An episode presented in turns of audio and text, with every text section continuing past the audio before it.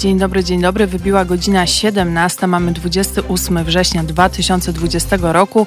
A skoro jest poniedziałek, to przy poniedziałku porozmawiamy sobie o cierpieniu. I to nie byle jakim cierpieniu, bo naszym polskim narodowym e, cierpieniu, w którym się lubimy trochę e, taplać. E, porozmawiamy też o takim naszym mesjanizmie, o naszej polskiej martyrologii, która jest obecna w naszym życiu właściwie od pokoleń, mam wrażenie. A poza tym nawiążemy też do jednego z najsłynniejszych ostatnio pomników, czyli pomnika Jana Pawła II, który w rękach dzierży meteoryt. Zapraszam serdecznie.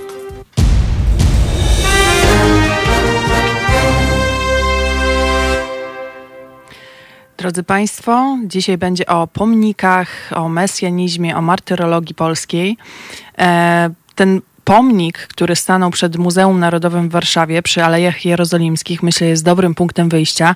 O nim dzisiaj też w audycji e, wieczornej między 21 a 23 będzie rozmawiał z Państwem Jerzy e, Bokłażec. Ja tylko trochę musnę ten temat pomnika.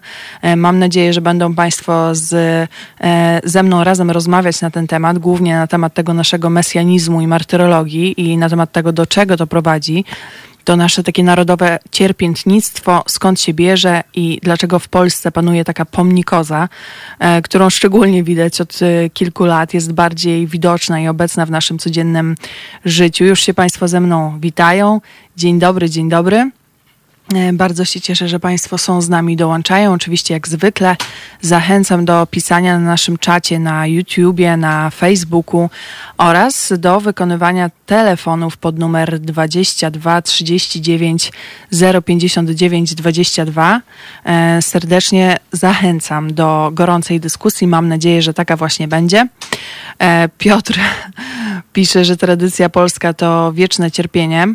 E, oczywiście, że tak. W ogóle były takie badania e, robione rok temu, e, które opublikowało Okopress i z tychże badań wynika, że aż 74% badanych Polaków e, uważa, że cierpieliśmy w swojej historii dużo bardziej niż e, inne narody i zaledwie 4% jest przekonanych, że na pewno tak nie było.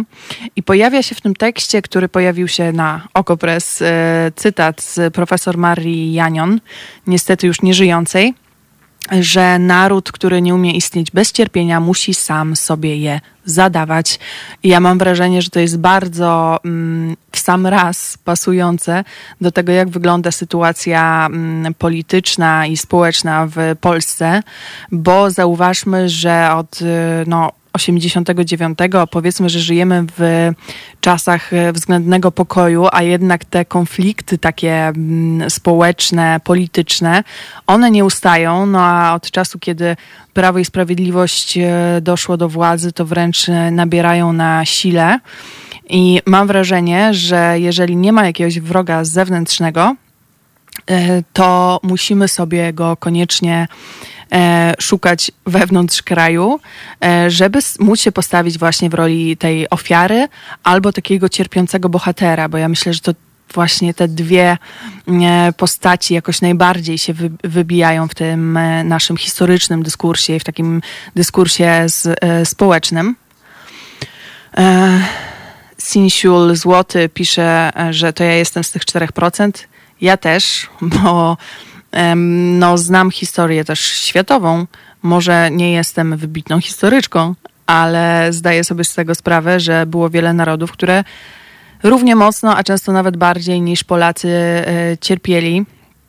Ale to takie uciekanie do tego cierpiętnictwa i do bycia tym mesjaszem narodów, zbawieniem e, po prostu zepsutego zachodu, no to jest coś, co się przewija w naszej e, historii naprawdę. Mm, naprawdę bardzo, bardzo mocno.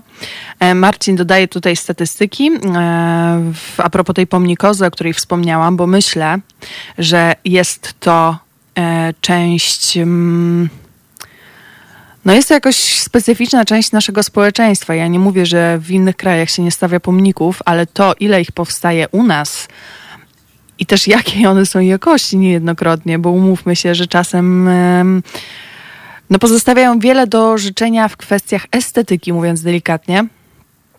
Mm, więc e, tutaj Marcin mówi, że w Warszawie jest w samym śródmieściu ponad 100 pomników, a, a pomników Jana Pawła II, bo tutaj trochę od niego się odbijamy, e, jest w Polsce ponad 700 to jest w ogóle jakaś zatrważająca liczba, jeśli sobie o tym pomyślimy. Pierwszy pomnik e, Jana Pawła II powstał już w 1980 roku.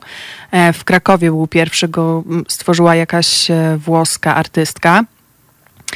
No i od tego czasu zdążyło ich tyle przybyć, więc ten pomnik, który stanął przy Alejach Jerozolimskich jest, myślę, wyjątkowy pod wieloma względami. E, nie dość, że setna rocznica urodzin Jana Pawła II, to jeszcze 40-lecie e, powstania w Polsce pierwszego pomnika papieża Polaka, który przecież też e, w jakiejś takiej świadomości społecznej, mam wrażenie, jest przykładem tego mm, cierpiącego Polaka, bohatera, który. Mm, no właśnie, który jest takim zbawcą który przyszedł na ziemię, no też przecież cała ta historia z e, byciem postrzelonym, to się idealnie wpisuje e, w tą całą hi historię i w to nasze historyczne wyobrażenie o tym, co się dzieje dookoła nas. I ja sobie myślę, że to jest też jeden z powodów, dla których Polacy tak uwielbiają papieża. Nie dość, że Polak papież, tak? E, jakby wiadomo, wszystko co polskie jest najlepsze, e, to dwa, że on idealnie się właśnie wpisuje w to nasze wyobrażenie o nas e, samych jako społeczeństwa. Zielony pisze, że papieża z meteorytem proszę szanować, bo jak tym kamieniem, to sami wiecie. No właśnie, to się trochę strach bać tego kamienia.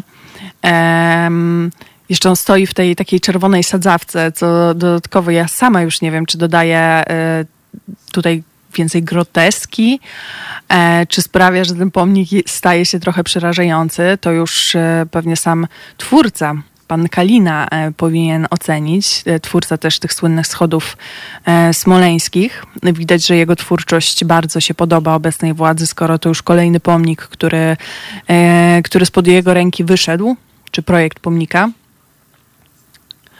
E, Robsonek pisze, a to on ten kamień wziął i straszy, bo nagonka na niego. No wiecie, to teraz właśnie wpisując się w ten taki dyskurs e, martyrologiczny i cierpiętniczy, e, wroga e, stworzyło Prawo i Sprawiedliwość. Tym wrogiem są oczywiście osoby LGBT e, i uchodźcy bo znowu się zaczęło trochę straszenie uchodźcami, jak już e, władza obecna nie wie, co robić. No więc papież, jak ten e, cierpiętnik e, złapał ten meteoryt po prostu ma nas bronić przed tą zalewem tej zarazy, jakby to powiedział zapewne arcybiskup Jędraszewski. Um, postawmy, Marcin sugeruje, żeby postawić kolejne pomniki Kaczora. Um, Andrzej Mroczkowski z kolei ma bardzo inną ciekawą sugestię. Mm, pisze tak. Droga Pani Karolino, w związku z tym, e, iż jesteśmy Mesjaszem wszystkich narodów i mamy 40-lecie postawienia pierwszego pomnika Jana Pawła II, to ja żądam postawienia pomnika pomnikowi. Panie Andrzeju, jak Pan to pisze publicznie, a ja do tego dokładam i jeszcze mówię to głośno, to ja się obawiam, że taki pomysł zostanie zrealizowany, więc y, uważajmy, co mówimy. Ja się nie zdziwię, jak powstanie pomnik pomnika, także trzymajcie się mocno, bo mam wrażenie, że w Polsce jest y, wszystko możliwe, a my mamy słuchacza z nami. Dzień dobry. Ja w sprawie y, meteorytu. Dzień dobry. Więc sądzę, że to jest nawiązanie twórcy do pracy, która mhm. była wystawiana w Zachęcie kiedyś, kiedy papież był przygnieciony meteorytem. Tak, tak, tak, pamiętam. Mhm. Myślę, że to jest taka, jest taka paralela właśnie pokazująca, że on teraz trzyma ten meteoryt w ręku. Mhm. No tak, czyli stał się bohaterem z tego y, leżącego przygnieci, przygniecionego grzechami y, ludzkości papieża, stał się bohaterem, który unosi ten meteoryt. No tak, no taka, taka, takie właśnie takie przełożenie wajchy, można powiedzieć. Mhm. No to pozdrawiam panią. Pozdrawiam serdecznie. E, rzeczywiście to też może być nawiązanie, ale też jak e, wspominał sam twórca, jest to też nawiązane, nawiązanie do obecnej sytuacji mm, politycznej i społecznej w kraju. I co ciekawe, dla mnie to jest niesamowite, jak my bardzo e, w ogóle w tym, jak mówimy o historii, już tak mówię my jako społeczeństwo, no bo jednak jesteśmy częścią tego społeczeństwa. Jak to jest niesamowite, jak my lubimy czerpać też na przykład z e, potopu szwedzkiego, bo zauważcie, że zawsze jak się próbuje kreować jakichś wrogów, e, to mówi się o jakimś zalaniu, o potopie, e, w tym przypadku obecnych czasów potop ideologii LGBT. Jakby to jest tak silne w nas i zarazem taka wizja jak my się bronimy, jak my z tym walczymy. Tutaj stawiamy, stawiamy papieża, który już się nie będzie dawał gnieść przez te zachodnie po prostu wymysły, tylko on tym, tym, te, te grzechy weźmie w swoje ręce i ciśnie nimi e, w swoich wrogów. No jest to coś naprawdę niesamowitego i fascynującego e, dla mnie. Um, Michał pisze, że wydajemy ciężkie pieniądze na pomniki, a ludzie muszą się zrzucać na leczenie małych, ciężko chorych dzieci to jest e, kompromitacja. No, niestety jest to rzeczywiście e, duża kompromitacja, ale o tym też, na co by jeszcze można było wydać te pieniądze i co nam ten e, nasz polski mesjanizm i martyrologia robi, porozmawiamy sobie dosłownie za parę chwil. Słuchajcie powtórki programu.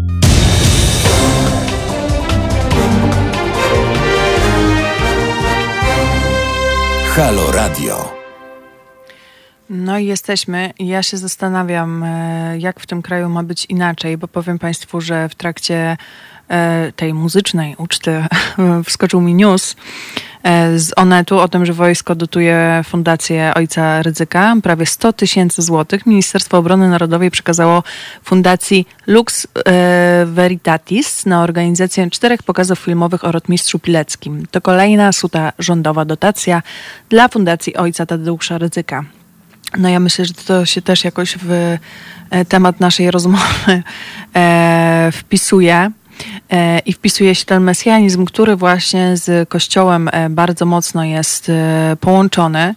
Prawo i Sprawiedliwość w ogóle niesamowicie wykorzystuje ten mechanizm, bo ludzie lubią się utożsamiać. To jest taki naturalny, psychologiczny mechanizm, utożsamiać czy jakoś bratać z tymi, których postrzegają jako bohaterów i zwycięzców.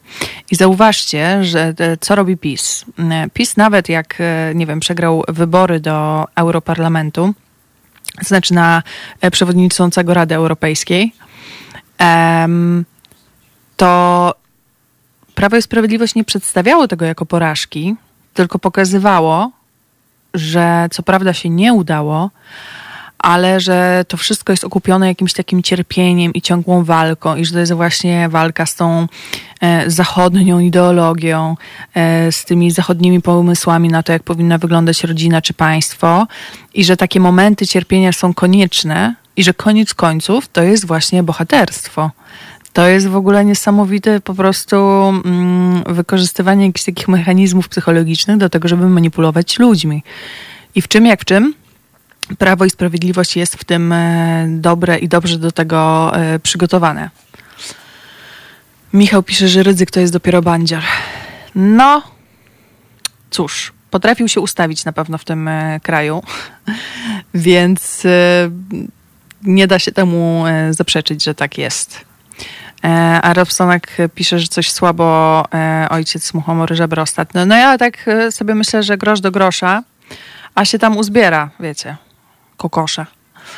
Julek się wita, cześć Julków, bardzo się cieszę, że jesteś z nami. Rozmawiamy sobie o mesjanizmie, o martyrologii polskiej, o polskiej pomnikozie mm, i o tym, skąd to się wszystko bierze i, i jaki ma wpływ na nas. Ja mam wrażenie, że mm, to są takie składowe mm, naszej polskiej tożsamości, od których nam się będzie bardzo trudno uwolnić, bo e, wspomniałam o tym badaniu, które było rok temu opublikowane mm, przez Okopres a propos tego, czy, czy Polacy uważają, że jesteśmy najbardziej cierpiącym narodem.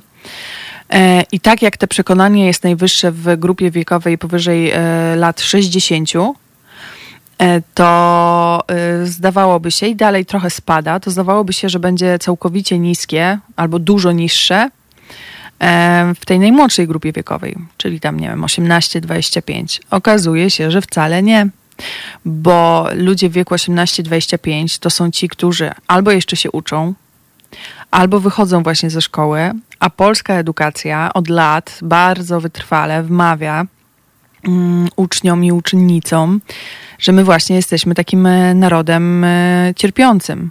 A ja sobie myślę, że to jest w ogóle robienie strasznej krzywdy e, uczniom i uczennicom w Polsce, bo one, on, one i oni będą musieli dalej nieść e, to brzemię, że my jesteśmy naród cierpiący i że nawet jak jest e, teoretycznie dobrze, to się trzeba doszukiwać jakiegoś powodu do cierpienia i że to strasznie krzywdzi po prostu kolejne pokolenie i uniemożliwia wyjście z tego błędnego koła.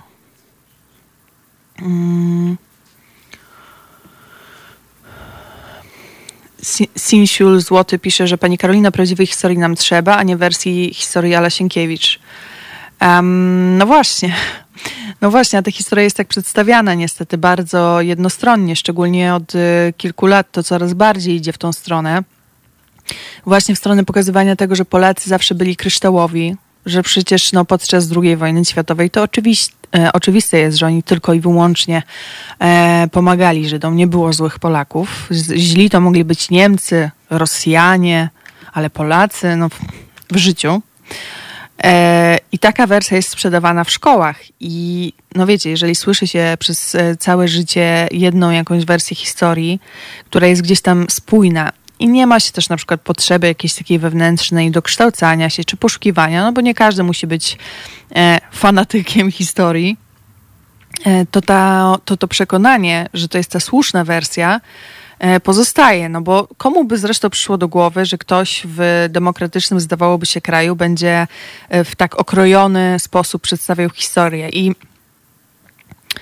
to nie jest też tak, że to się wzięło znikąd i że to się pojawiło dopiero jak Prawo i Sprawiedliwość doszło do, władzy, bo niestety w tej kwestii do zarzucenia jest też wiele um, koalicji obywatelskiej, wcześniej Platformie Obywatelskiej. Um, I jeszcze wcześniejszym rządom, e, bo pamiętam jak ja się uczyłam e, historii na przykład w liceum, to to też była dość mocno okrojona wersja. Oczywiście teraz e, stara się przepchnąć przepchnąć jeszcze wersję, że Kaczyński był na przykład nie wiadomo jakim e, bohaterem i że gdyby nie Kaczyński, to w ogóle nic by się w tym kraju nie wydarzyło i dalej e, byśmy byli krajem komunistycznym i e, na kolanach oczywiście, a teraz przecież wstaliśmy z kolan. I to też jest w ogóle po prostu, to tak dokładnie pokazuje ta retoryka Prawa i Sprawiedliwości. jest takim idealnym obrazem to, co ci politycy mówią, właśnie tego naszego takiego kompleksu narodowego, czy tak, takich naszych właśnie zaleciałości cierpiętniczych. E, to znaczy też mówienie o tym wstawaniu z kolan. No ktoś nas musiał wcześniej na te kolana rzucić, czyli cierpieliśmy, a teraz po prostu jak bohaterowie wstajemy z nich. Mm. Tu się pojawiają też komentarze, że trzeba kształcić nauczycieli. I oczywiście też, bo e, często i znaczy no, nauczyciele historii akurat powinni znać wszystkie blaski i cienie, ale też są uczeni w taki, a nie inny sposób przedstawiać tą historię, więc to też jest jakaś rzecz do ogarnięcia. Um, zielony. Przecież ile Polacy dostali medali sprawiedliwych wśród narodów świata, w tym profesor Bartoszewski. Niemożliwe, żeby trafiła się czarna owca, która zrobiła coś złego. A jednak uczymy się patrzeć na siebie krytycznie i swoją historię. No tak, no tak, nie mogła się trafić czarna owca. Przecież w polskim narodzie nie ma czarnych owiec. A jeżeli są, to na pewno są po prostu na sznurku e, Brukseli e, obecnie, na smyczy Brukseli, a wcześniej też na pewno jakichś zachodnich imperialistów po prostu, najgorszych na świecie. E, Michał pisze też, że w ogóle nauka historii XX wieku leży kompletnie. Przecież my aktualnie przerabiamy podobną sytuację jak w latach dwudziestych. To jest w ogóle przerażające, że rzeczywiście dzieje się coś takiego jak w latach 20. i 30. Mm, mam tutaj też na myśli oczywiście tą radykalizację i taki mocny skręt w prawo, jakieś odejście od tych lewicowych takich ideałów. To widać bardzo mocno u nas. E, umówmy się, że to, co my nazywamy centrum w innych krajach, jest po prostu prawicą. Więc to przesunięcie jest bardzo mocne i mamy też inne punkty odniesienia, ale to jest rzeczywiście coś smutnego. I myślę, że niejednokrotnie, nawet jeżeli ludzie znają tą historię, tutaj mówię o tych na wyższych szczeblach władzy, to nie chcą widzieć tych analogii. Albo je widzą i są na tyle mm, dużymi hipokrytami, co też jest możliwe, oczywiście, że jakby wy, wypierają z siebie te zdarzenia, które miały miejsce w latach 20. i 30. Um, i starają się wmawiać innym, w tym samym sobie, że to nie jest to samo, to nie jest kalka. Um, Julek, po pierwsze, kto przyzna, że w szkole przerobił cały XX wiek. To jest też e, ciekawe, że o tym piszesz, Julku, bo też tak jak ja pamiętam swoją edukację, myślę, że za wiele się nie zmieniło. Na każdym etapie nauczania, czyli podstawówka, ja jeszcze wtedy chodziłam do gimnazjum, e, liceum, jakby zaczynaliśmy trochę tą historię od nowa, a ten XX wiek zostawał na sam koniec. I to było takie szybkie, już pod koniec roku, już wszyscy myśleli o wystawianiu ocen, że właściwie ta druga wojna światowa, że to smutne, że y, Żydzi zabijani, że Polacy bohaterscy, że dzieci y, z wrześni protestowały. To mi jakoś mocno zapadło w pamięć.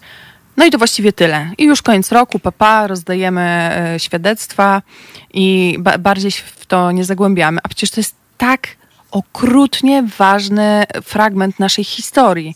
I jeżeli my już na etapie edukacji nie będziemy podchodzić do tego poważnie, to naprawdę nie wróży nic, nic dobrego, bo ja rozumiem, że mówienie o bohaterach i tak dalej jest ważne. Oczywiście, że jest. I oczywiście, że było wiele bohaterów wśród Polaków, ale ja mam wrażenie, bo to się też odnosi do tego, o czym y, mówimy, że dopóki nie przerobimy jako naród nie przejdziemy takiej, nazwałabym to terapii, że my też robiliśmy coś złego.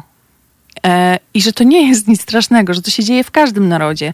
Dopóki się nie pozbędziemy tej, takie, takiego płaszczyka e, tych bo cierpiących bohaterów, którzy zawsze mają rację i się muszą bronić po prostu przed wszystkimi e, dookoła, a jeżeli nie przed wszystkimi dookoła, to sobie wewnątrz kraju znajdą wrogów którzy są napędzani przez tych z zagranicy, to my po prostu nie pójdziemy dalej. Będziemy robić kilka kroków do przodu i zaraz się cofać. Mm. Piotr pisze, że Polsce nie uczy się historii, tylko uprawia mitomanię. No i też niestety się muszę z tym zgodzić, bo my bardzo lubimy żyć tymi e, mitami. I oczywiście to nie jest tak, że ja to e, jakby mówię, że tak jest we wszystkich szkołach i wszędzie, ale niestety coraz bardziej w stronę e, takiej mitomanii idziemy, uprawiania właśnie takiej mitomanii, tak jak pisze Piotr. I to jest coś okropnego. Um, Korzenie mesjanizmu i Chrystusa narodów sięgają czasów Sobieskiego. Mickiewicz tylko dowalił do pieca. Oczywiście, no przecież powstrzymanie tej e, w, w, wtedy zaraza przychodziła ze wschodu, teraz mamy ją już po prostu w swoim narodzie. Ale to jest ciągle powtarzanie tej e, samej wersji, opieranie się na jakichś mitach. I tu mi przychodzi do głowy taka metafora, um, że mity e, z, nie są dobrą podstawą do budowania społeczeństwa obywatelskiego bo mity, tak jak sama nazwa wskazuje, nie są faktami historycznymi i nie można się na nich stabilnie oprzeć. I po prostu regularnie to widać w naszym kraju, że my się tych mitów czepiamy, one upadają, później je odbudowujemy i ten proces cały czas trwa. Tylko sobie dobudu- dobudowujemy jeszcze pomników, żeby, e, żeby jakoś tą e, polską mitologię wspierać. Kto y, uczył się, że generał Haller to faszysta i jego wojska prowadziły pogromy Żydów w 1918 roku i też w 1920 na Pomorzu? Ja się nie uczyłam, na pewno. Y, więc no niestety. Y, Gabriel pisze, i chodzą takie dzbany z wytatuowanymi husarzami na koniach. No tak, no bo oni się czują jak potomkowie tych husarzy przecież. Jak potomkowie żołnierzy wyklętych. Mimo, że często też nie znają dokładnie historii. Oczywiście nie mówię o osobach, które zarządzają tymi, nie wiem, na przykład ruchem narodowym, e, czy są w konfederacji, bo podejrzewam, że część z nich rzeczywiście zna historię i po prostu wykorzystuje te jej fragmenty, które są wygodne, ale wiele osób z tymi husarzami na koszulkach czy wytatuowanymi na plecach e, nie ma mm, właściwie dokładnego pojęcia o historii. I to jest też właśnie kolejny skutek tego, jak małą wagę się tak naprawdę przykłada. A skoro ta historia jest dla nas taka ważna, skoro my byliśmy tacy bohaterscy, to to też się wydaje absurdalne, że tak mało energii w edukacji się wkłada w to, żeby rzetelnie o niej uczyć. Ale mnie po prostu niosą dzisiaj emocje, Państwu powiem, ja się nie spodziewałam, jak sobie myślałam o tym temacie, że o tym dzisiaj bym chciała z Państwem porozmawiać, to jakoś wydawało mi się, że z takim będę jak taka spokojna tafla jeziora, pod tą taflą jeziora się zagotowała, no i jakieś emocjonalne bąbelki powstały, ale jednak mnie to po prostu rusza. E, no dobrze, moi drodzy. Um, a teraz Beyoncé. Zapraszam. Słuchajcie powtórki programu.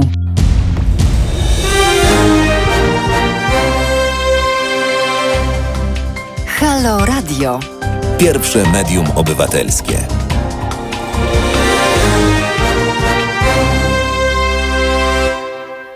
Widzę, że pojawił się na tapecie państwa Kraśnik. No to jest jednak miasto, e, które jest na ustach całej Polski ostatnio. E, jakiś e, Radom, Sosnowiec czy Łomża, z której pochodzę, poszły w odstawkę. Teraz Kraśnik jest numerem jeden i ja powiem szczerze, że współczuję wielu ludziom tam mieszkającym, bo podejrzewam, że jest tam mnóstwo racjonalnych osób, E, i jakoś tak rozumowo podchodzących do życia, które muszą teraz e, znosić ten wstyd. Ale rzeczywiście trochę my się takim kraśnikiem Europy stajemy i jest to bardzo e, smutne. Um, Gabriel pisze, że uczy się dzieci, że dawniej Polska była dumna i wielka, tylko wtedy byliśmy poganami, a tego się już nie uczy. W ogóle, no tak, no tak, tak właśnie jest, że historia jest przedstawiana dość e, jednoznacznie, też w kontekście tego, że e, no jakby faktem jest, że był Holokaust i że Żydzi mnóstwo wycierpieli podczas II wojny światowej, a ta prawicowa narracja, narracja Prawa i Sprawiedliwości skręca e, w tę stronę, że to jednak Polacy cierpieli więcej. Poza tym, że oczywiście bohatersko ratowali Żydów. Już o antysemityzmie E, się nie, e, się nie wspomina niestety za, za wiele. Mm, Morawiecki powiedział kiedyś zresztą, że polityka Prawa i Sprawiedliwości będzie zawsze w interesie Polski, czyli w interesie prawdy historycznej. To znaczy, że my tu byliśmy najbardziej mordowanymi ofiarami w czasie II wojny światowej, i nigdy się nie zgodzimy e, na jakiekolwiek wypłaty dla kogokolwiek z tego powodu, jakiekolwiek odszkodowania. To jeszcze było tam, pamiętacie tę aferę z odszkodowaniami, to, e, to do tego się Morawiecki odnosił, no ale najważniejsze jest to, że według e, premiera byliśmy najbardziej poszkodowani w czasie II wojny światowej i jakby to jest w ogóle bezdyskusyjne, że my jako naród byliśmy poszkodowani. Ale czy najbardziej? No nie wiem. E, I czy byliśmy tylko e, świętymi aniołkami, e, które po prostu się litują nad innymi? No to już szczerze wątpię. A nawet jestem przekonana, że nie. Mm. Piotr pisze też, że to jest w odniesieniu do innego komentarza, ale to ważne, bo ważne, by na historii, by na historii uczyć się o swoich błędach. Tak, a my tych lekcji niestety z przeszłości nie wyciągamy i powtarzają to między innymi powstańcy, którzy, którzy jeszcze żyją. Wczoraj było takie wydarzenie wręczenia koron równości przez kampanię przeciw homofobii e, i pos, e, posłanka, chciałam powiedzieć, powstańczyni e, Wanda Tkaczyk mówiła właśnie o tym, że e, bardzo prosi o to, żeby się uczyć w pełni tej historii i w pełni tego, do czego e, prowadzi ignorancja, nie tylko ze strony władzy, ale też ze strony społeczeństwa, bo te osoby, które niosą w sobie tę historię i to doświadczenie, niedługo umrą, niestety, ze względu na wiek zaawansowany. E, I nie będzie już komu pełnić tego świadectwa, że to nie wszystko było dokładnie tak, jak Prawo i Sprawiedliwość chciałoby to widzieć. I że ogromnie ważna jest właśnie ta edukacja historyczna. Mm. Piotr pisze, że wszyscy cierpieli. No oczywiście, jakby doświadczenie II wojny światowej było e, traumą dla, no nie tylko dla Polaków, dla wielu, wielu, wielu e, narodów, dla wielu osób. I to jakby bezdyskusyjnie to jest taka, zresztą wojna światowa, tak? Więc i trauma światowa. I takie w ogóle prześciganie się w tym, kto bardziej cierpiał, y, jest dla mnie jakieś takie nie na miejscu. To znaczy, oddajmy hołd y, bohaterom, pamiętajmy o ofiarach, owszem. Ja nie jestem temu przeciwna zupełnie, bo to też nie chodzi o to, żeby zapominać y, o tych, którzy walczyli, czy którzy się wykazali jakimś bohaterstwem, ale raczej, żeby pamiętać o tym, że historia nie jest czarno-biała, że ona ma tyle odcienów, odcieni szarości, że my sobie nawet nie zdajemy sprawy, że tyle odcieni szarości istnieje często. Um, szczególnie osoby, które mają słabszy wzrok, tak jak ja, mogą ich wszystkich nie widzieć. Oczywiście śmieję się trochę. Um, ale e, no właśnie, a my o tych odcieniach e, szarości e, cały czas zapominamy i idziemy w stronę takiego, tutaj został wspomniany Mickiewicz, on był wyznawcą takiego nurtu mesjanizmu, perfekcjonizmu moralnego. Jest to taki rodzaj mesjanizmu, który jest totalnie irracjonalny. E, krytykuje podejście naukowe, racjonalne i przeciwstawia temu e, uczucia, doskonałość moralną, intuicję, objawienia i przypisują duże znaczenie wybitnym jednostkom. E, które prowadzą duże zbiorowości, czyli naród, do walki ze złem. E, ten rodzaj, tu już czytam trochę z Wikipedii, ten rodzaj mesjanizmu podawał wątpliwość wartość rozumowego dowodzenia twierdzeń, starając się zrealizować swoje wizje za pomocą czynu moralnego. No jak ja to czytam, to wypisz, wymaluj, to jest to, co się dzieje obecnie w naszym kraju. To znaczy, chociażby w kwestii, tutaj się trochę odwołam do obecnej sytuacji pandemicznej, jest zaprzeczanie naukowym faktom, że koronawirus istnieje. Jest zaprzeczanie, idąc e, dalej i odchodząc od pandemii, jest zaprzeczanie naukowym faktom takim, że bycie osobą homoseksualną czy transpłciową nie jest żadną chorobą, że to jest coś po prostu normalnego. To jest kolejny taki etap przeciwstawiania się tej wiedzy naukowej, i to się idealnie wpisuje właśnie w ten mesjanizm, jaki promował Adam Mickiewicz. To znaczy, my nie będziemy słuchać naukowców, nie będziemy słuchać rozsądku, pójdziemy do kościoła, e, posłuchamy, co, mam, co nam ma do powiedzenia natchniony ksiądz, który przecież jest w jakiś sposób wybrany, bo zapewne Pan Bóg w niebie, e, czy Jezus Chrystus go, Jezus Chrystus go wybrał na e, swojego posłańca tutaj na ziemi. Więc idziemy i oddajemy się w ręce e, właśnie jakiejś takiej dziwnie pojmowanej, bo przez Kościół katolicki ta duchowość jest dziwnie pojmowana. Oddajemy się w jej ręce i stajemy naprzeciw e, mm, podejściu, naprzeciw podejściu racjonalnemu i faktom i naukowcom. No, dla mnie to jest rzeczywiście dosłownie, totalnie to, co się teraz obecnie dzieje.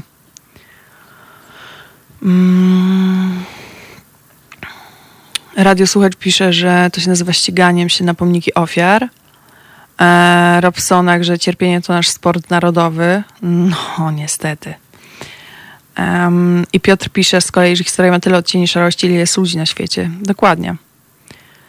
Um, I że nic ich nie interesuje, to chyba jest odpowiedź na któryś komentarz tak mi się wydaje, bo chyba nie na moje słowa. E, w ogóle, no, przypominam, oczywiście Państwo to robią, ale zawsze warto przypomnieć, że mogą Państwo pisać zarówno na naszym czacie na e, YouTubie, mogą Państwo też pisać na Facebooku, do czego serdecznie zachęcam.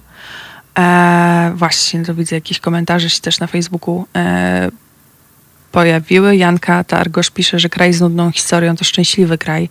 No często tak jest, a ja widzę w nas, wydaje mi się też, jak rozmawiam po prostu z ludźmi, już nie idąc tutaj w jakieś takie górnolotne bardzo e, analizy e, kulturowe, czy socjologiczne, czy psychologiczne, to widzę taką potrzebę w wielu osobach, a trochę z ludźmi rozmawiam, nie tylko ze względu na zawód, ale w ogóle lubię to,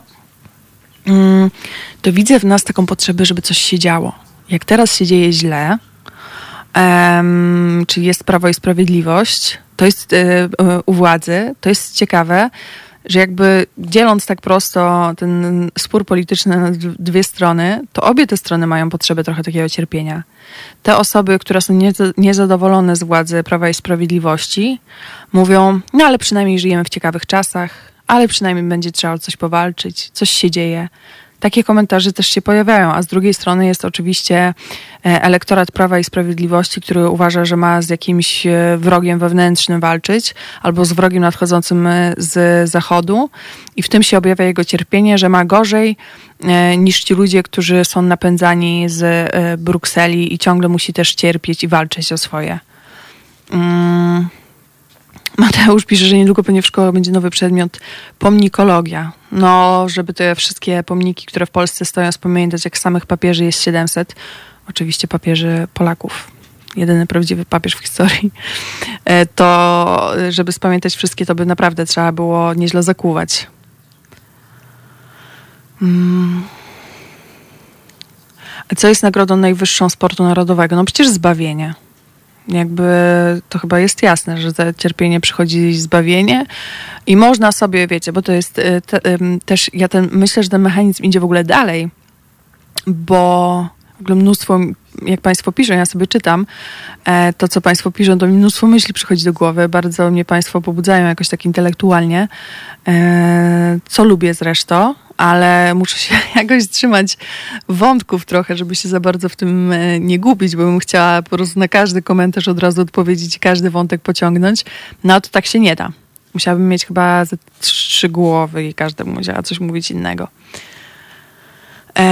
Ale e, co jest nagrodą najwyższą sportu narodowego? Bo to mi przyszło mm, do głowy, że to jest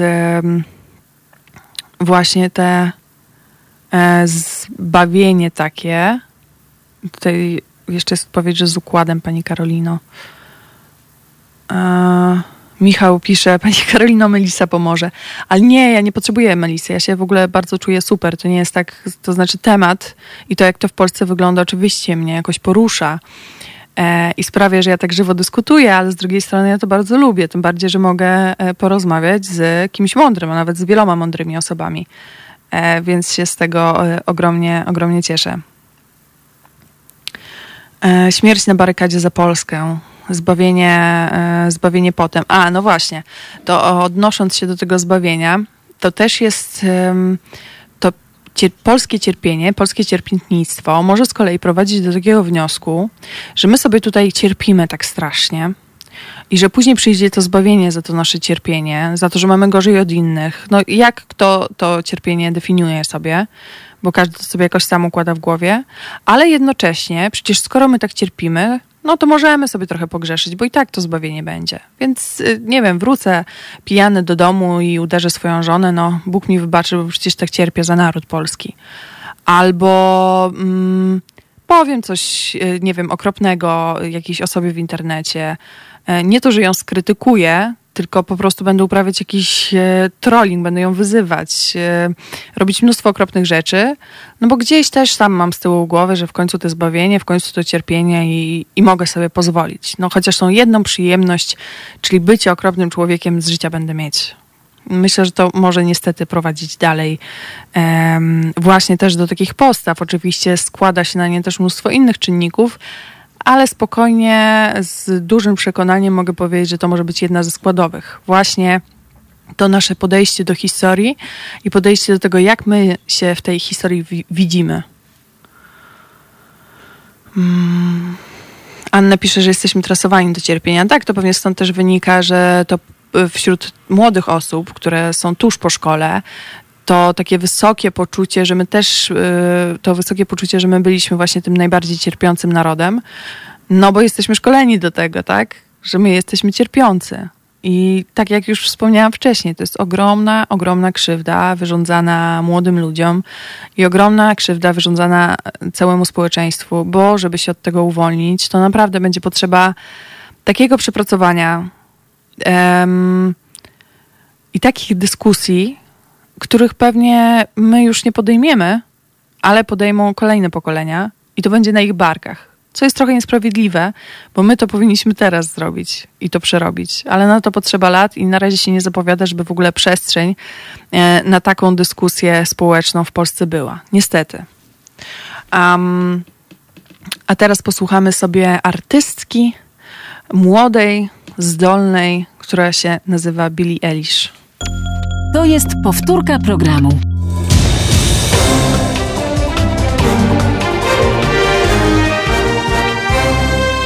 Halo Radio. Moi drodzy, 17.56. Czas leci jak z bicza strzelił albo jak meteorytem rzucił. Teraz to pomyślałam, uważam, że jest bardzo zabawne. Mamy wciąż 28 września 2020 roku, a sobie dzisiaj o naszym polskim narodowym cierpieniu rozmawiamy. E, w atmosferze dość emocjonalnej czasem, ale też wciąż e, wesołej, jak to u mnie bywa. Przynajmniej dla mnie wesołej. Nie wiem, jak tam Państwo przed e, odbiornikami się czują. Mam nadzieję, że dobrze. Zachęcam do tego, żeby Państwo pisali na naszym czacie na YouTubie, na Facebooku, żeby Państwo dzwonili pod numer 22 39 059 22. I zachęcam też bardzo gorąco do tego, żeby Państwo wchodzili na stronę www.halo.radio ukośnik SOS. Tam jak Państwo sobie wejdą, to mogą Państwo wybrać formę wspierania nas. Mm, I będzie to dla nas, e, będzie, jest cały czas dla nas bardzo ważne to, że Państwo nas e, wspierają i że, nas, e, że nam pomagają, bo my się możemy rozwijać i na przykład rozmawiać właśnie o tym, jak wygląda przedstawianie historii polskiej i mówić sobie o tym wprost, a nie jak na lekcji historii albo jak w TVP przedstawiać tylko jedną stronę wydarzeń, tylko mamy tutaj po prostu otwartą, fajną rozmowę. Więc serdecznie zachęcam do tego, że Państwo nas wspierali. Będę ogromnie wdzięczna. Um, jaki okres historyczny lubicie? To Piotr pyta na, na naszym forum. E, Julek odpowiada mu, że wczesne średniowiecze, starożytność XX wiek. Ja bym chyba została mm, przy XX wieku. Okres międzywojenny też był bardzo ciekawy. Też ze względu na to, jak bardzo mm, to był okres rozwojowy pod wieloma względami dla, też dla Polski, tak? E, chodzi mi w takich kwestiach e, kultury, literatury, to był naprawdę mocny mm, zastrzyk takiej dobrej energii, mimo że czasy były niełatwe, bo ledwo się skończyła pierwsza wojna światowa, zapowiadała się na drugą, ale jakoś ten XX wiek myślę, myślę jest mi najbliższy. Nie tylko ze względu na to, że był niedawno, ale tak przy serduszku blisko. Um, o, a w ogóle Julek pisze o czymś bardzo ważnym, że historia kobiet to jest dopiero e, wyklęta. Rzeczywiście bardzo mało się uczy. E, jak powstawał pierwszy Sejm, czy był tak zwany Sejm Śląski, to tam też były kobiety. I one odgrywały ważną rolę i nikt tego nie uczy. Jakby kobiety są wymazywane z historii i to jest kolejna poruszająca kwestia. No ale widocznie wychodzi na to, że kobiety mogą być bohaterkami, tylko jak to pasuje do jakiejś takiej narracji historycznej, którą na przykład Prawo i Sprawiedliwość uprawia. Więc jeżeli był jakąś sanitariuszką albo wspierał żołnierzy wyklętych, no to owszem, możemy o nich powiedzieć, ale jeżeli już były umieszczone w jakimś kontekście i głosiły na przykład jakieś hasła progresywne jak na dane czasy, czy feministyczne, no to może lepiej o nich nie przypominajmy. Oczywiście to też jest kwestia tego, że y, tych kobiet się po prostu od dawna nie przedstawiało i tutaj PiS nie jest jakimś wielkim wyjątkiem w tej kwestii, ale jednak wiemy o tej historii coraz więcej, coraz więcej wiemy o ważnych kobietach, które tę historię zmieniały i na nią wpływały i były aktywnymi uczestniczy, uczestniczkami i wciąż się o nich nie mówi, wciąż się je wymazuje, niestety. Um, Andrzej pisze, że najbardziej lubi teraźniejszość, ona jest wieczna. Bardzo to jest ładne stwierdzenie. Aż jakbym miała długopis, to bym je sobie zapisała, ale może uda mi się zapamiętać po audycji sobie zapiszę, bo jest to y, przepiękne. O, ale nie mogę tutaj na kartce chyba, chyba że masz jeszcze jakąś kartkę. Kurczę. Chciałam zapisać sobie naprawdę, wiecie? Ale zapamiętam. E, mam dzisiaj ze sobą dwóch e, realizatorów, taki dwupak, więc mam nadzieję, że we trójkę razem damy radę zapamiętać to zdanie.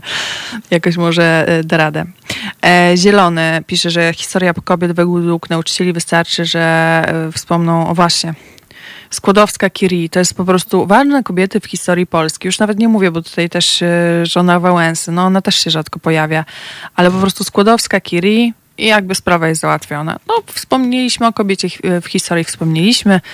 Nawet jakieś e, Noble dostała za swoje dokonania naukowe, więc jakby powiedzmy pakiet jest spełniony.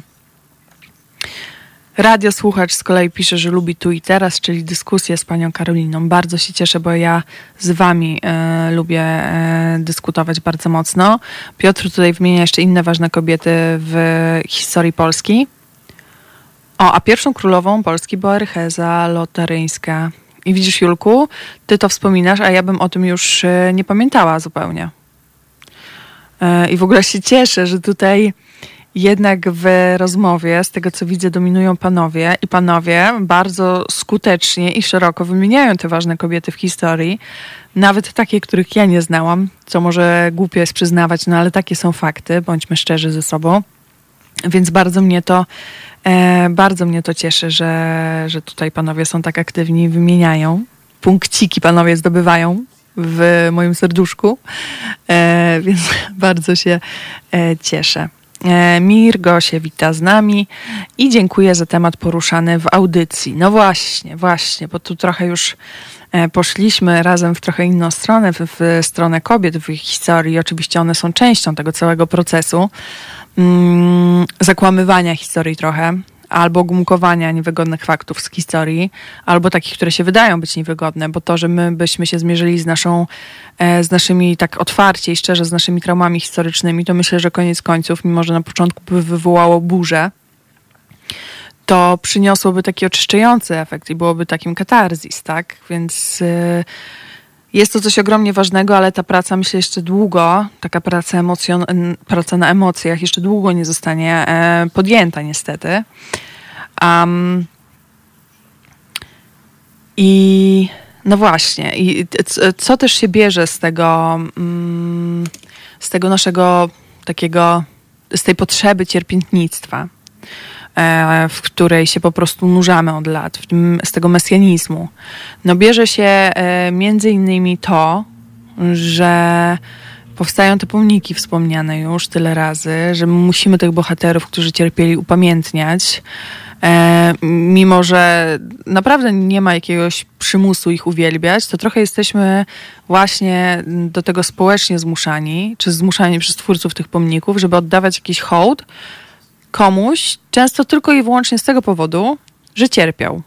Jakby samo cierpienie w sobie staje się wartością, co jest jakimś takim masochistycznym e, mechanizmem, chorym, bo tak jak e, też to już wspomniałam, cytując profesor Marię Janion, no jeżeli ktoś nam nie będzie tego cierpienia zadawał, jeżeli ono nie będzie przychodziło skądś e, z zewnątrz, to my w końcu sami je sobie będziemy zadawać, żeby poczuć się lepsi moralnie. E, I to jest taki mechanizm, który prowadzi donikąd i który się właśnie dzieje już e, od bardzo dawna i my nie potrafimy z tego wyjść. Stąd też pewnie na przykład toczy się rozmowa o aborcji w Polsce.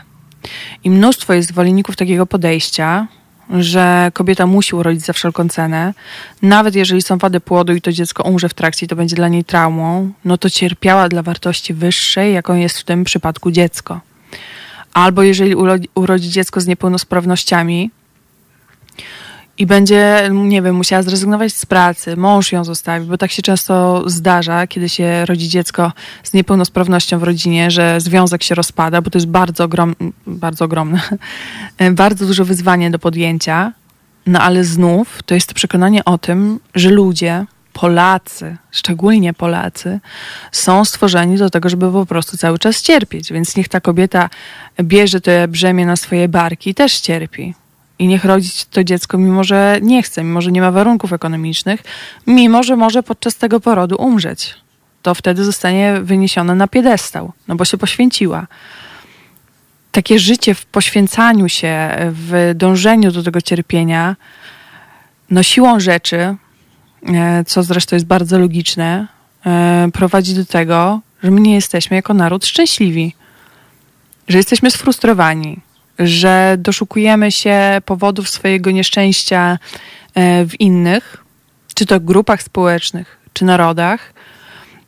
I nie potrafimy jakoś tak przyjąć, że to my sami sobie często to cierpienie e, zadajemy, po prostu nie potrafiąc wyjść z jakiejś matni, w którą wpadli, wpadliśmy. Hmm. Mirgo e, pisze, że w tej pomnikomanii brakuje mi pomnika, z którym mogłyby identyfikować się kobiety w Polsce. No niestety, Niestety rzeczywiście tak jest. Oczywiście są też pomniki kobiet, ale zdecydowanie więcej jest pomników mężczyzn. No bo wiadomo, że zgodnie z obowiązującą narracją, e, to mężczyźni byli ważniejsi w historii. I zresztą często tak było, że mężczyźni pełnili dużo więcej ról, ale to wciąż jakby wynikało z takiego patriarchalnego podejścia, które też od tysięcy lat e, istnieje. Znaczy, co najmniej od setek lat, ale myślę, że od tysięcy też spokojnie.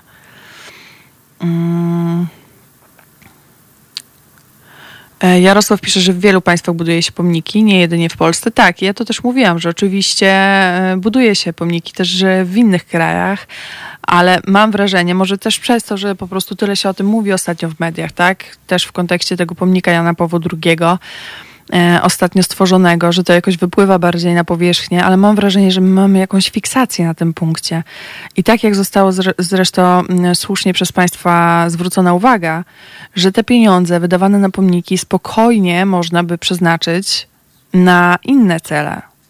Oczywiście ja wiem, że budżet jest jakoś tam podzielony, ale to można o tym pomyśleć wcześniej. Skoro mamy pieniądze, pieniądze na jakieś pomniki, to lepiej je przekazać właśnie na przykład na jakiś instytut onkologii, i nawet jeżeli to nie są jakieś ogromne pieniądze, które pozwolą mm, sfinansować terapię, nie wiem, jednej czy dwóm osobom, to zawsze to będzie jeden czy dwóch ludzi, którym uda się na przykład ocalić życie. No bo przecież mm, nie okłamujmy się, u osób, u pacjentów onkologicznych ta walka się toczy o życie właśnie.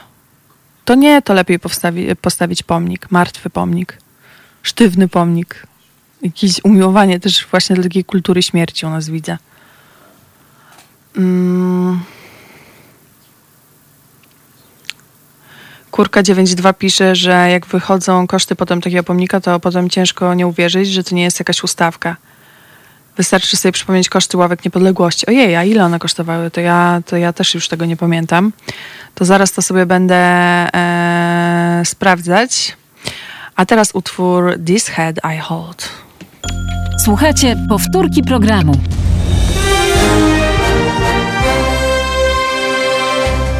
Halo Radio. Gadamy i trochę gramy.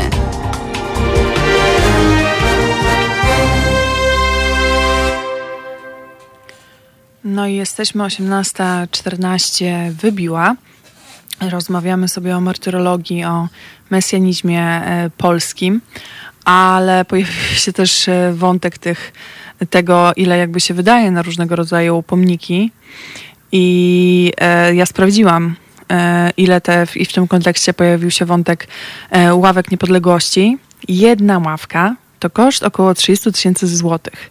Natomiast łączny koszt projektu to były 4 miliony złotych. Ja zapomniałam, że to było aż tyle. Jakoś to wyparłam z pamięci, więc e, po raz kolejny mnie to poruszyło. Może lepiej zapamiętywać takie rzeczy, bo e, człowiek wtedy już będzie miał takie, mm, a nie, jak czyta to jeszcze raz i sobie przypomina sobie myśli, matko, ile po prostu my marnujemy pieniędzy, ile się marnuje w tym kraju pieniędzy, to jest coś e, niesamowitego. Um, najsmutniejsze, Kurka 92 pisze, najsmutniejsze jest to, że naprawdę na różnych HSP nie brakuje mega zdolnych studentów, którzy mogą popisać się niesamowitą kreatywnością i talentem, a powstają takie gnioty jak JP2 z meteorytem. Ale liczy się, a to już e, Robsonak, że liczy się nie piękno, tylko kto zarobi. No niestety, to jest też w ogóle, myślę, kolejny temat rzeka do poruszenia. Kwestia podejścia do estetyki w Polsce e, i kwestia podejścia do sztuki i tego, co jest, e, co dobrze wygląda w przestrzeni publicznej, a co nie. Mm, wystarczy spojrzeć na, oczywiście to się trochę zmienia, e, jeżeli chodzi o jakieś takie billboardy, ale wciąż jest ich dużo i wciąż jest ten zwyczaj wieszania na e, płotach jakichś rzeczy, albo tak zwanej pastelozy, czyli budowania bloków, które są w jakieś pastelowe kolory pomalowane i wygląda to strasznie. No ale to jest też kwestia właśnie takiej całej estetyki i tego, że my też, to jest kolejna rzecz, której się nie uczymy. Um, ja chyba powinnam jakąś książkę napisać. Czego się nie uczymy w szkole? Y, myślę, że mogłabym mieć z tysiąc stron spokojnie. E, byłaby taką grubą cegłą. No ale właśnie, nie uczymy się też tego podejścia takiego estetycznego do otaczającej przestrzeni e, i też tego, żeby ona w ogóle była funkcjonalna dla ludzi. Bo dla samochodów często jest funkcjonalna, a dla ludzi, e, na przykład pieszych, już niekoniecznie. Więc to są jakieś następne rzeczy do przerobienia. My ich mamy mnóstwo jako naród, jako społeczeństwo, ale wszystko po kolei. Trzeba od czegoś zacząć. Um, a Zielony jeszcze powtarza, że Emilia Plater, bohaterka XIX wieku, niedoceniana postać. No to też jest pewnie takie podejście, że ma swoją ulicę, no to już po prostu wystarczy. Wystarczy. Ile można? Już nie trzeba o niej mówić. Jak ktoś przyjedzie do Złotych Tarasów y, w Warszawie, to sobie może przejść się ulicą Emilii Plater i jakby sprawa załatwiona. Mam wrażenie, że niejednokrotnie takie podejście właśnie stoi za, e, za tym, jak ta polityka historyczna jest rozgrywana w Polsce i za tym, jak, na jakim miejscu są e, ustawiane w tej retoryce kobiety. Jurek pisze, że plastyki nie ma. No ja jeszcze miałam plastykę nie wiem, teraz chyba też jest. Jest plastyka. Moja siostrzenica ma plastykę. Ale no na tej plastyce to po prostu, nie wiem, lepi się coś z plasteliny, e, coś się narysuje, jakieś słoneczko i kwiatki. I właściwie tyle. I się uczy to, o tej palecie kolorów i co się stanie, jak się jednym z drugim pomiesza, to jaki kolor wyjdzie. Tak e, mówiąc krótko, mniej więcej tak to wygląda. E, Piotr pisze, no ja zostałbym współautorem tej książki. No to możemy się umówić. Zaraz wyślemy jakiś projekt do jakiegoś wydawnictwa i idziemy w to. Ja teraz akurat będę jedną e, książkę kończyła pisać. U ciebie powinnam do połowy listopada skończyć, więc już e, mało czasu zostało. Jak to dopnę, to jestem gotowa. Także Piotrze, pisz do mnie i się jakoś tam ustawimy. Um, Michał pisze, że 90% osób nie wie o istnieniu Emilii Plater, a może z 2% wie, kim była. No tak, ale tak jak mówię, większość kojarzy pewnie, że jest taka ulica i co jest y, smutne, kojarzy to tylko z faktu, że są tam właśnie złote tarasy. Jakby przykro. Mm. Robsonak jeszcze do tej ławki. E, wiesz, co robi ta ławka? Ona odpowiada żywotnym potrzebom całego społeczeństwa. To jest ławka na skalę naszych możliwości. To wiesz, co my robimy z tą ławką? My otwieramy oczy nie, niedowiarką. Patrzcie, mówimy, to nasze, przez nas wykonane i to nie jest nasze ostatnie słowo. Jakby tak, Bareja po prostu mógłby teraz e, czerpać garściami i by pewnie tworzył takie filmy, żebyśmy wszyscy się skręcali ze śmiechu. Bardzo żałuję, że tak się nie, nie, nie może zadziać, że nie powstaje dobry taki um, pastisz filmowy na, na to, co się w Polsce dzieje. Bardzo bym chciała. Um, Radio Słuchać zapomniała Pani dodać, że architektura ma bardzo głęboki wpływ na nasze e, samopoczucie. Oczywiście to też są liczne badania e, z kolei już psychologiczne, ale też socjologiczne, które pokazują, że to, jak wygląda architektura e, dookoła nas, bardzo mocno wpływa na to, e, jak się czujemy. I na przykład lepiej się czujemy w miejscach, w których budynki nie są tak wysokie jak na przykład w centrum Warszawy. To znaczy, które gdy podniesiemy delikatnie głowę do góry, możemy ogarnąć wzrokiem, bo to tworzy jakieś takie poczucie przytulności. No też kiedy jest więcej zieleni, kiedy są miejsca takie dospołeczne, to znaczy jakieś ławki blisko siebie ustawione, nie ławki e, niepodległości, które służą do niczego i, i są niewygodne, e, tylko, no, tylko takie ławki w jakichś skwerkach, które sprawiają, że ludzie gdzieś tam siadają bliżej siebie, mogą porozmawiać. To jest okrutnie ważne, ale tego też u nas nie ma albo jest w jakichś śladowych ilościach. Mm. Michał pisze, że kojarzą warszawiacy, bo u mnie w Łodzi nie wiem nawet gdzie i czy w ogóle jest e, ulica Emilii Plater. A, czy w Łodzi jest? No też nie wiem niestety. Chociaż, o, pan Michał jest z Łodzi. Ja bardzo lubię Łódź. Jest to jedno z moich ulubionych e, miast w Polsce i ogromnie doceniam to miasto, naprawdę. E, jakby mamy z nim same dobre skojarzenia, więc pozdrawiam panie Michale i trochę zazdroszczę. Może się kiedyś też do Łodzi przyniosę, jak będą sprzyjające okoliczności ku temu. A naprawdę o tym myślałam, bo Łódź jest super przyjemna pod wieloma względami. Ale mnie o Łodzi dzisiaj, chociaż też by mogła być oddzielna audycja na temat Łodzi i być może będzie za jakiś czas, ale to o tym powiem, jak już się to zacznie realizować. Um, bo, no bo Łódź, tak jak wspomniałam, jest bliska mojemu sercu bardzo, bardzo mocno. E, tak, ale my o mesjanizmie dzisiaj i o polskiej martyrologii rozmawiamy i o tym, co to nam robi z głowami. No, a robi nam, jak się można domyśleć, nie najlepiej, co zresztą e, myślę, że mm, udowadniam w trakcie trwania tej audycji, o czym zresztą sami Państwo wspominają i co sami Państwo e, zauważają e, w swoich komentarzach bardzo słusznych zresztą, do których pisania zachęcam zarówno na YouTubie, na Facebooku, ale też mogą Państwo, jeszcze mamy trochę czasu, dzwonić pod numer 22 39 059 22 i do tego też serdecznie zachęcam, żeby się Państwo tutaj na antenie ze mną podzielili swoimi refleksjami na temat e, dzisiejszego tematu naszej rozmowy, rozmowy, która przynajmniej we mnie e, budzi, e, budzi, budzi sporo mm, emocji. E, jedna rzecz to jest cierpiętnictwo.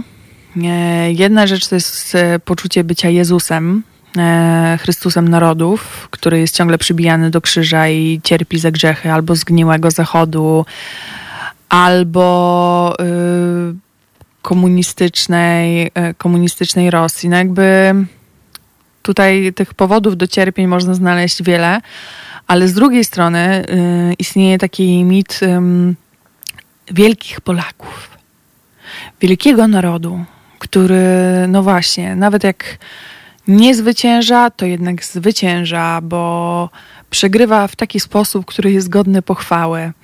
E, I tego, że my, i to ze sobą niesie też takie przekonanie, że co by o, o Polakach nie mówić, to oni to są jednak odważni i koniec końców zawsze mają rację. Tak, taką rację, że moja racja jest najmojsza i e, gdzieś my tkwimy w tym przekonaniu. I to też myślę e, nie sprzyja, tym bardziej, że jest podkręcane przez Prawo i Sprawiedliwość, tworzeniu takiego mm, konstruktywnego dialogu międzynarodowego.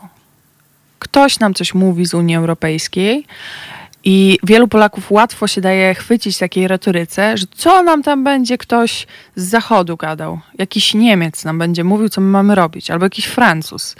Co oni wiedzą? No przecież my Francuzów to uczyliśmy, jak się sztućcami posługiwać, więc co oni nam będą mówić, tak? My wiemy lepiej.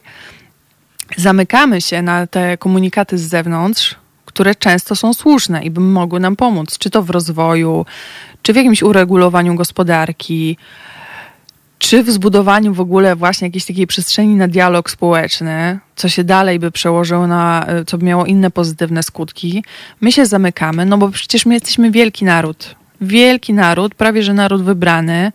Może papież dosłownie tego nie mówił, że my jesteśmy narodem wybranym, no ale przecież wszyscy wiedzą, że trochę jesteśmy.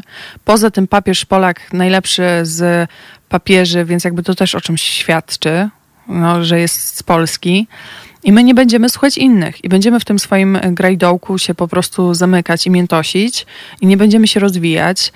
Um, jak ja o tym mówię, to jest mi realnie po prostu smutno, bo jak o tym mówię i o tym myślę sobie czasem siedząc w domu wieczorem przy herbacie, um, bo nie widzę tutaj jakiejś, jakiegoś sposobu na wyjście z tego impasu. E, że my się coraz bardziej okopujemy na swoich pozycjach, i że jako społeczeństwo żyjemy właśnie w tym przekonaniu o takiej swojej nie wiadomo jakiej wyjątkowości i o tym, że my zawsze mamy rację i że to inni powinni co najwyżej brać z nas przykład, a nie my z innych. I to jest tak ograniczające i antyrozwojowe, że to się po prostu w głowie nie mieści. Um, mit, e, radiosłuchacz pisze, mit narodu, który przegrywa w taki sposób, że nikogo to tak naprawdę nie interesuje. I to jest absolutny absurd martyrologii. Tak, to jest jeden z absurdów. Z kolei Grzegorz pisze Polak dumny i do szabli i do szklanki. Tak, my Polaki jesteśmy po prostu... Mm. Szko... Jejku, jejku, ale państwo tutaj piszą, że aż po prostu nie nadążam czytać. Cieszy mnie to, ale sobie tutaj e, nadrabiam. O, Stefania Wilczyńska jest pomijana też bardzo często to była, czytałam o niej akurat książkę, pani Stefa, polecam, polecam bardzo mocno, e, więc też e, to rzeczywiście to jest jedna z takich pomijanych e, postaci mm, w polskiej historii. No właśnie, i co? I my sobie e, jesteśmy takimi dumnymi Polakami, co to potrafią wypić i nie zmoże ich żaden mocny trunek. mogą pić wódki ile tylko wlezie, co też się kończy różnymi e, niezbyt przyjemnymi efektami zdrowotnymi. E, I gdzieś tam my mamy taki mechanizm uciekania w ten alkohol, ale to też z kolei pokazuje tą absurd sytuacji, że my jesteśmy tacy niezależni, że my tacy po prostu wszystko sami, Zosie Samosie i tak dalej, a z drugiej strony dajemy się bardzo łatwo manipulować władzy, i to, o czym tutaj Państwo też dzisiaj um, wspominają, um, że no właśnie jakby dajemy się też ogłupiać zarazem i dajemy się manipulować. Więc chyba jednak warto by było pójść po rozum do głowy i się jakoś w tym wszystkim ogarnąć najzwyczajniej w świecie, bo jest to ogromnie potrzebne. Michał pisze, że jak Polak wypije, to cały świat naprawi i nie ma na niego mocnych. Wystarczy posłuchać dyskusji pod sklepami nocnymi. No gorzej, jak to e, później to się przeradza w jakąś agresję. Hmm. E, a to się niestety dzieje też dość często. I jest taki po prostu mocarz jeden z drugim e, i robią tak, taką rozpierduchę, mówiąc brzydko, e, niszczą mienie publiczne i tak dalej. I to się, no właśnie, ale później w opowieściach swoich, tak jak my jako społeczeństwo w opowieściach o Polsce będą mówić, że byli bohaterami i oni po prostu stanęli w obronie polskiej rodziny. I dlatego ten znak tam rozwalili, bo ten znak to był za mało polski. O, no i Michał wszystko mi wytłumaczył. To nie agresja, tylko łańska fantazja. E, Krendler z kolei, o, ciekawe pytanie. E, jakiej odżywki do włosów używasz? Mam teraz jakąś taką bananową. Z jakiej ona jest firmy? Nie wiem. Ja też za często nie odżywam, e, nie odżywam, nie używam odżywek do włosów, więc no, po prostu. Mam takie piękne włosy, że tak sama siebie skomplementuję. no ale teraz już ucieknijmy trochę od tych komplementów, bo zmierzamy w jakąś stronę, które sama sobie mówię, bo zmierzamy w jakąś taką niebezpieczną stronę. Queen teraz. To jest powtórka programu. Halo Radio. Gadamy i trochę gramy.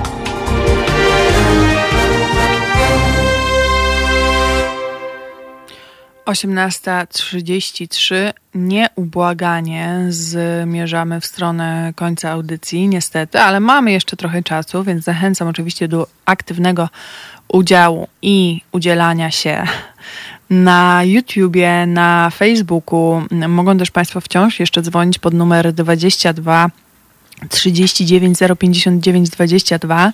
Z Państwem jest cały czas Karolina Rogaska, a rozmawiamy sobie o polskim cierpieniu, które brzmi dużo bardziej doniośle niż jest w, faktycznie.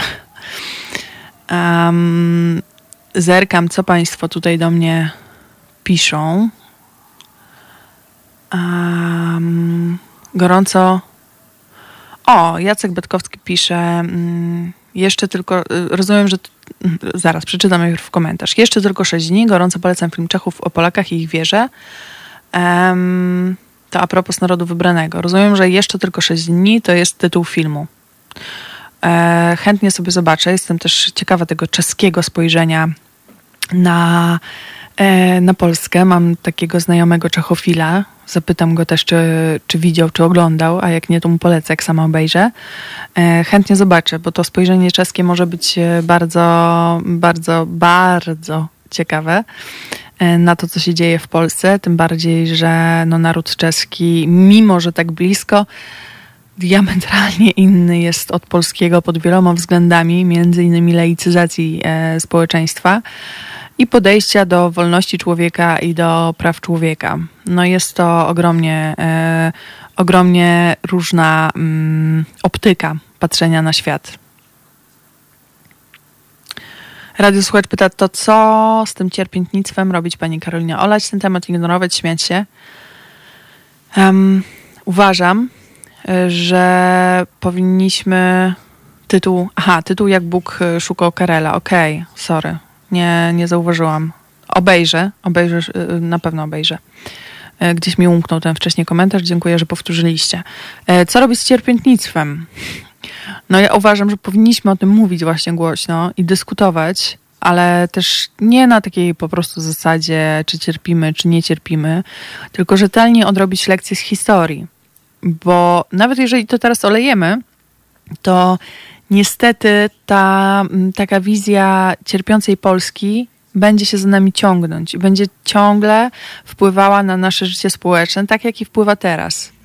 I jeżeli dalej tej lekcji nie odrobimy, e, to kiedy znowu dojdzie do władzy ktoś w stylu Prawa i Sprawiedliwości, to znów będzie mógł tą historię bardzo łatwo rozgrywać, żeby ubić na tym swój interes polityczny żeby zdobywać kapitał, żeby zdobywać wyborców.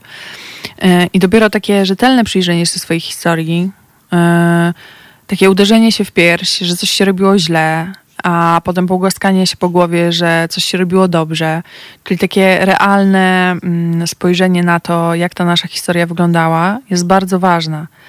A topiąc się w tym cierpiętnictwie, po prostu do niczego nie dojdziemy. Ja myślę, że trzeba się tym zajmować, ale pomysłu na to, jak to na stałe wdrożyć do dyskusji e, takiej publicznej, no nie mam niestety.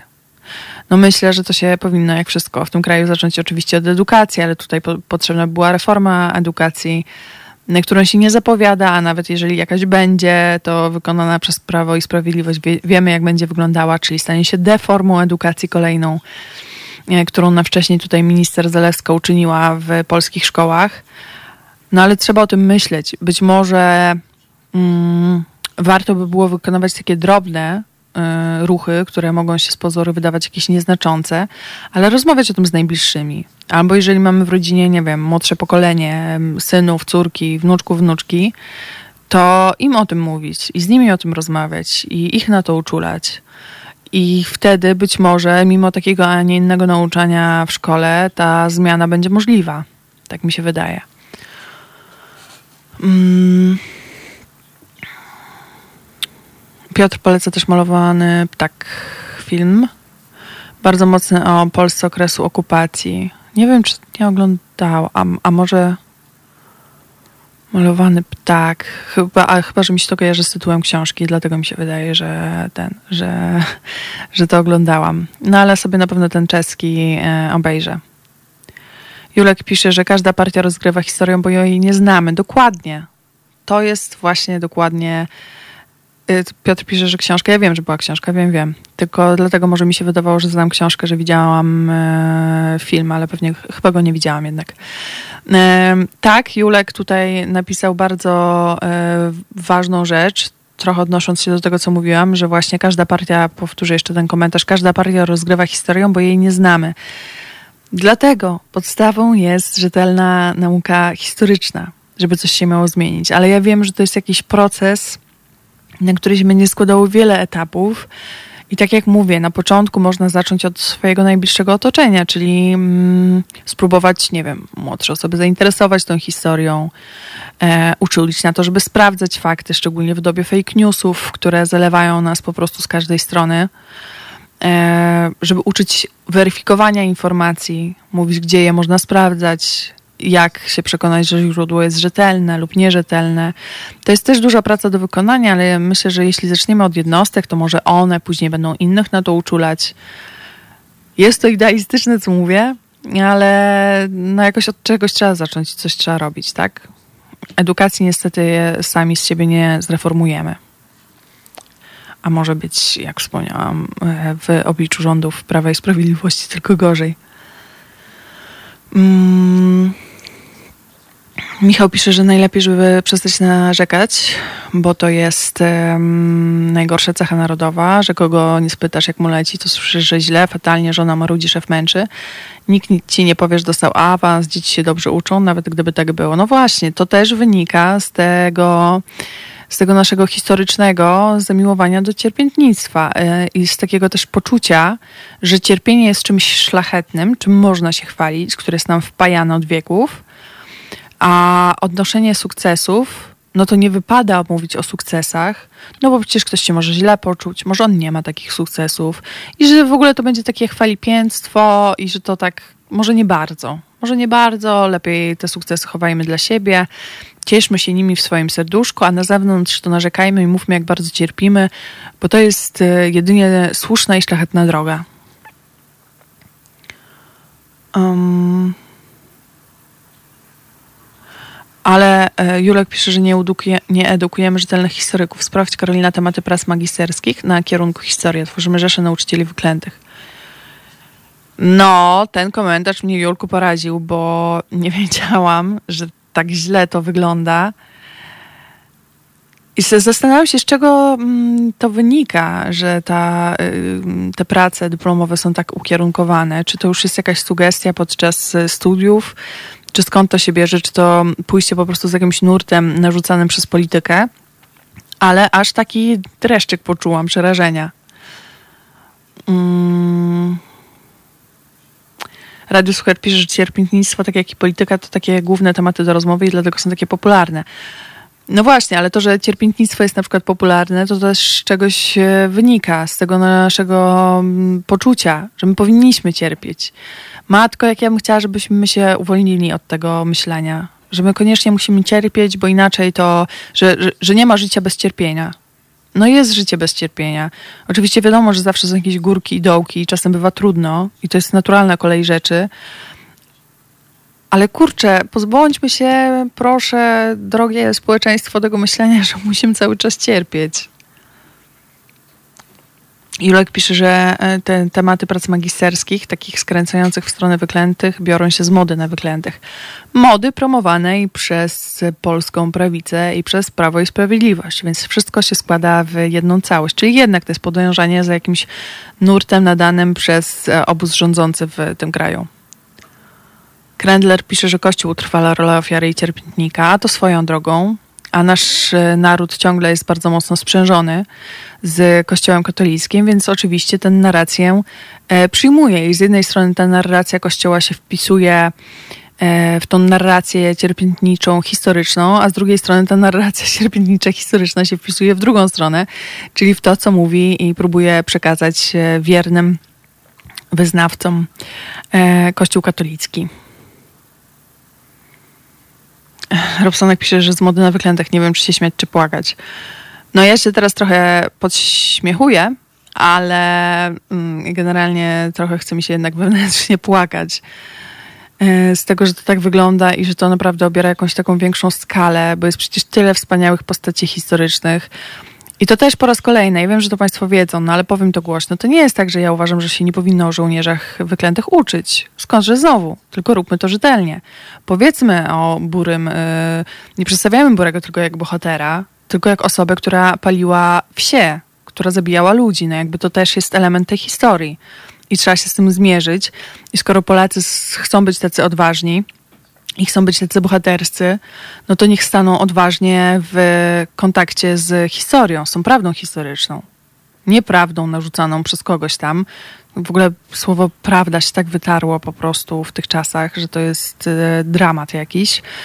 No ale może tak, stanąć w, mm, twarzą w twarz z faktami historycznymi. Nie omijać ich, nie wybierać sobie jak, e, nie wiem, grzybów z koszyka. Hmm. Julek straszy nas trochę, niestety, dalej. E, pisze, że mo, e, moda się sprzedaje od... Moda, w sensie historia ta, e, moda historyczna na żołnierzy wyklętych. Od książek, pociuchy, superbohaterowie. Będziemy płakać już wkrótce. Zdziwicie się, kiedy takie konfederacje dostaną 30%. No, Oba, znaczy nie, nie chciałabym bardzo, żeby tak było i liczę, że to, że niestety Julku nie, nie trafisz ze swoimi przewidywaniami, no ale zobaczymy, jak to się wszystko w tej naszej kochanej Polsce rozkręci. Yy, IPN zmienił zdanie o Burym, bo polityka. No wiadomo przecież, że to się wszystko o to rozbija. Andrzej z kolei pisze, życie to nieustanne cierpienie, yy, a cierpienie bierze się stąd, że wymagamy od życia i świata tego, czego życie i świat nie mogą nam dać. Czyli nierealistyczne oczekiwania, ale myślę, że można je stworzyć bardziej realistycznymi. I o, już 18.45. Ja bym chętnie jeszcze z Państwem godzinę została, bo mam dużo wątków do rozwinięcia, ale czas mi się kończy. Więc e, zostawię Państwa z takim życzeniem, żeby mieć realistyczne oczekiwania wobec e, życia, ale żeby jednocześnie realizacja tych oczekiwań przynosiła Państwu dużo szczęścia, radości i spełnienia i żeby jak najmniej jednak tego cierpienia było. Liczę, że spędzą Państwo miło dalszą część wieczoru, a ja się żegnam i bardzo dziękuję za tą poruszającą rozmowę. Do zobaczenia i usłyszenia za tydzień.